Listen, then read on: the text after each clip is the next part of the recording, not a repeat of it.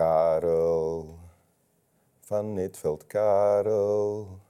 Van Neetveld Karel. Van Neetveld in winteruur. Met Swami Bahami en Wim Helsen. Met Wim Helsen en Swami Bahami. Voilà.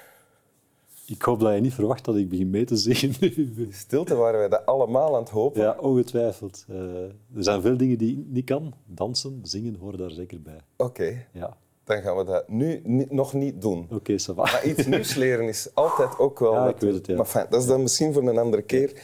Karel van Neetveld, welkom in Winteruur. Dankjewel. Ooit eh, gedelegeerd bestuurder van Unizo, jarenlang. Hè? Ja. En dan hebt u nog heel veel andere dingen gedaan, onder andere CEO geweest van Febelfin, Ja. Ik heb al bij banken gezeten en Ja. bij voetbalclubs. Anderlecht. Ja. En op dit moment CEO op den Dool. Dat is een goede omschrijving eigenlijk. Eh, zelfstandig. Ja, En ik probeer eh, mensen en bedrijven te helpen. Ik vind dat fijn. ja, Eh, tot ik weer een nieuwe uitdaging vind die mij echt interesseert. oké. Met mensen die mij ook liggen. Ja. Ja, goed plan, lijkt mij. Dank u. Daar ga ik voor. Lees de tekst maar voor, die je hebt mij meegebracht. Meijerwes, Lozère, 26 juni 1977. Warm bewolkt weer. Ik pak mijn spullen uit mijn auto en zet mijn fiets in elkaar. Vanaf terrasjes kijken toeristen en inwoners toe. Niet wielrenners. De leegheid van die levens schokte me. Overal staan en rijden auto's met geweien van wielen en frames. Sommige renners fietsen al rond glimlachen, groeten. Er zijn onbekenden bij, klassen, krukken. Goede renners hebben kenmerkende hoofden en slechte renners hebben kenmerkende hoofden. Maar dat geldt alleen voor de renners die je al kent. Dit komt uit De Renner van Tim Krabbe. Ja, Tim Krabbe, die zelf eh, een Nederlands schrijver, die eh, eh, schaakgrootmeester was, denk ik. schaakgrootmeester geweest Ja, en dan amateurwielrenner, ja. maar ook schrijver. Ik vind het een fantastische schrijver. En over dat wielrennen heeft hij ook geschreven, onder andere in dit boek, Ja, hè, De Renner. ja. En dit is het begin van het boek. Dit is het begin. Ja. Het is een boekje dat ik al vaak gelezen heb. Ja? Eh, en waar ik vaak naar teruggrijp om er stukjes uit te lezen ook. Eh, omdat ehm, ja, eigenlijk een beetje heel mijn leven zit daarin. En, en op twee manieren. Ik ben een, een echte fietsliefhebber. ja.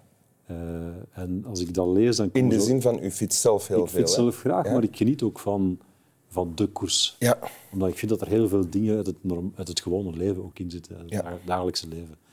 Ehm, en ik heb, ja, ik heb ook een vader die koersliefhebber was. oké. Eh, dus ik, ja, mijn eerste herinneringen zijn, ik denk 1973, ergens op een bergje in de Provence. Eh, uren wachten Hoe tot de Tour de France, voor iets zeven jaar. Ja? En tot de Tour de France voorbij kwam. Ja. Ehm, op café gaan. met mijn 73, vader. dat is, dat is nog met Eddy Merckx en zo. Ja, 73 heeft Eddy Merckx de Tour niet gereden. Ah, dan heeft dat vond ik toch heel erg. Ocaña heeft toen gewonnen, ja. Ja. Eh, maar je- omdat je van Eddy Merckx spreekt, ik ging dan met mijn vader. We gingen één keer per jaar op vakantie naar het zuiden van Frankrijk. Dus mijn vader nam drie weken vakantie in het jaar, dat was het. Hè. En dan heel het gezin de auto in, naar het zuiden van Frankrijk. Eh, en daar gingen wij elke dag naar de aankomst van de Tour kijken in een lokaal cafeetje. En, Jij en je papa voor het hele gezin? nee, nee, nee, mijn papa en ik. Ja? Eh, dus, en daar heb ik herinneringen ook aan. Eh, heel droevige herinneringen in 1975. Het moment waarop eh Eddy de Tour verliest eigenlijk, het evenement voorbij rijdt. Nadat hij eerst gedemareerd was. Dat, Toen dat, Ik zie dat dat nog een voor klop mij. in zijn lever had gekregen. ja, maar dat was laat, was iets Ah, ja, later. Dat was Ja. inderdaad dat jaar. Eh, maar er zijn heel veel... Ja, ik lees het dus om, om emotiemomenten terug te krijgen Oh ja. van vroeger. En ja, dat is, ik vind dat leuk. Ik ging, ben je zelf ook met je vader gaan fietsen? Dan? Nee, Fietsen- nee, die nee, niet nee, zelf. nee. Fietsen is bij mij wel later gekomen. Ik denk ergens begin jaren negentig. Eh, na een voetbalongeluk eh, moest ik fietsen om te revalideren. En dan ja, is dat een passie geworden. Eerst met vrienden gaan fietsen. En dan ja, amateurtochten gaan doen. Eh, ook zware tochten gaan doen. Dus ook wat hierin beschreven wordt, eh, al die gevoelens, ik heb die ook wel gehad. De pijn als je bergop rijdt. Als je aan zo'n amateurkoers meedoet, waar dat je dan de 1425ste kan worden, toch sta je voor de start te kijken van ja, zal die nu sneller rijden dan ik en zal die nu sneller... Ah ja, je kijkt Ja, rond dus- ook. dus- ja, ja, probeert in te schatten waar je hoort. Die fietsen, oh verdorie, die dat zit hier ook in, dat zit er helemaal in beschreven. Dus al die momenten die ik zelf beleefd heb op een of andere manier, ook het genieten van de natuur bijvoorbeeld. Ik vind dat Tim heel mooi beschrijft wat hij ziet rond zich. Helemaal op het einde in zijn boekje, als hij naar huis rijdt, beschrijft hij nog in twee, drie zinnen wat hij ziet. En eh, hij doet dat zo goed dat je bijna daar bent Ja. en voelt wat er gebeurt en ruikt wat, eh, wat er gebeurt. In het fragment dat je nu voorleest staat ook vanaf terrasjes kijken toeristen en inwoners toe, niet wielrenners. Ja. De leegheid van die levens schokt me. Herken je dat? Ja, dat is, maar voor mij heeft dat een dubbele betekenis. Ik weet niet of hij het, het zo bedoeld heeft, hè, maar eh, ik herken dat. Omdat je, op, zeker in, in Frankrijk, zie ik het zo voor mij dat lokale mensen op een terrasje van hun koffie zitten te genieten en waarschijnlijk denken, die onnozelaars gaan hun eigen weer wat afpeigeren en lachen met, met eh, eh, de renners die daar, daar ja, hun ding gaan doen. En de renners op hun beurt kijken En- met... Ja, wederzijds eh, denk ik, ja, dat zijn luierikken die niet weten wat, wat een beetje afzien op een fiets is. Dus Maar- jij zou op zo'n moment zeker niet willen switchen met die mensen die op dat terras... Ja, dat, is, ja, dat weet ik niet. Hmm. Ehm, maar wat mij ook frappeert, in die zin zit ook, ook zoiets van... Waarschijnlijk zijn die mensen ook wel heel gelukkig. Ja, Gewoon op dat terras te genieten. Misschien hebben ze ook niet veel, maar ze hebben wel dat terrasje, die koffie, eh, het gezelschap van vrienden of van familie waar dat ze bij zijn op dat ogenblik. Eh, en ik denk dat dat Maar- momenten van opperste genot zijn. maar Tim Krabbe noemt dat wel leeg hier ja, in ja, het fragment. Ja, ja, ja. Ja. ja, in de perceptie van een, een sportman is dat natuurlijk leeg.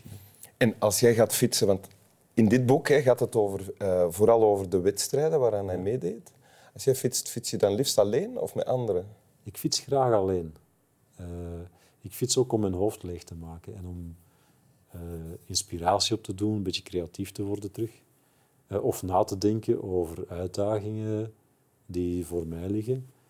Of vroeger, ja, als ik ja, soms complexe problemen moest oplossen, eh, dan ging ik soms fietsen. Ik praatte veel met mensen, maar ik ging dan ook fietsen om alles even op een rijtje te zetten. Ging je dan ook met de fiets naar het werk? Dat gebeurde soms, ja. Ja? Ja, ja, dat gebeurde soms, ja. ja. Eh, of, eh, Dat de CEO van Fabelfin eh, met de fiets Ja, ja. toekomt? Ja? Ja, ja. ja, maar ik was ook niet de enige. Hè. Ah, ja. Maar ook bij u niet zo. Ehm, ik, had, ik had een chauffeur in die tijd. En wat ik soms deed, was mijn fiets in de koffer steken. En dan, dan zei ik tegen hem, ja, ga maar op tijd naar huis. Ik deed dan mijn fietspakje aan. En ik werkte voort in Brussel. En dan reed ik nadien met de fiets naar huis. Ah, ja. Dat zijn, eh, maar dan maak je soms... Ik heb zo ooit eens een telefoon gehad van Denk ter Zaken of zoiets. Om zes uur, als ik daar zat, hè, in mijn fietspak. Zei, dan kan je binnen twee uur komen. Dus dan ben ik echt naar huis gekoerst, douche gepakt, kostuum aan, terug naar Brussel. Eh, maar het is eh, denk ik een van mijn beste debatten geweest dat ik ooit gedaan heb. Is het waar? Omdat je helemaal ontspannen was. Ik, was ja, en ik had eh, heel die discussie, denk ik, 25 keer op voorhand in mijn hoofd gedaan op mijn fiets als ik naar huis aan het rijden was. Dus Ja. dat werkt. Oké. Wil je het nog eens voorlezen? Ik ga het nog eens voorlezen. Meirues, Lozère, 26 juni 1977. Warm bewolkt weer. Ik pak mijn spullen uit mijn auto en zet mijn fiets in elkaar. Vanaf terrasjes kijken toeristen en inwoners toe. Niet wielrenners. De leegheid van die levens schokt me. Overal staan en rijden auto's met geweien van wielen en frames. Sommige renners fietsen al rond. Glimlachen, groeten. Er zijn onbekenden bij. Klassen, krukken. Goede renners hebben kenmerkende hoofden en slechte renners hebben kenmerkende hoofden. Maar dat geldt alleen voor de renners die je al kent. Dank u. Graag gedaan. Slap wel.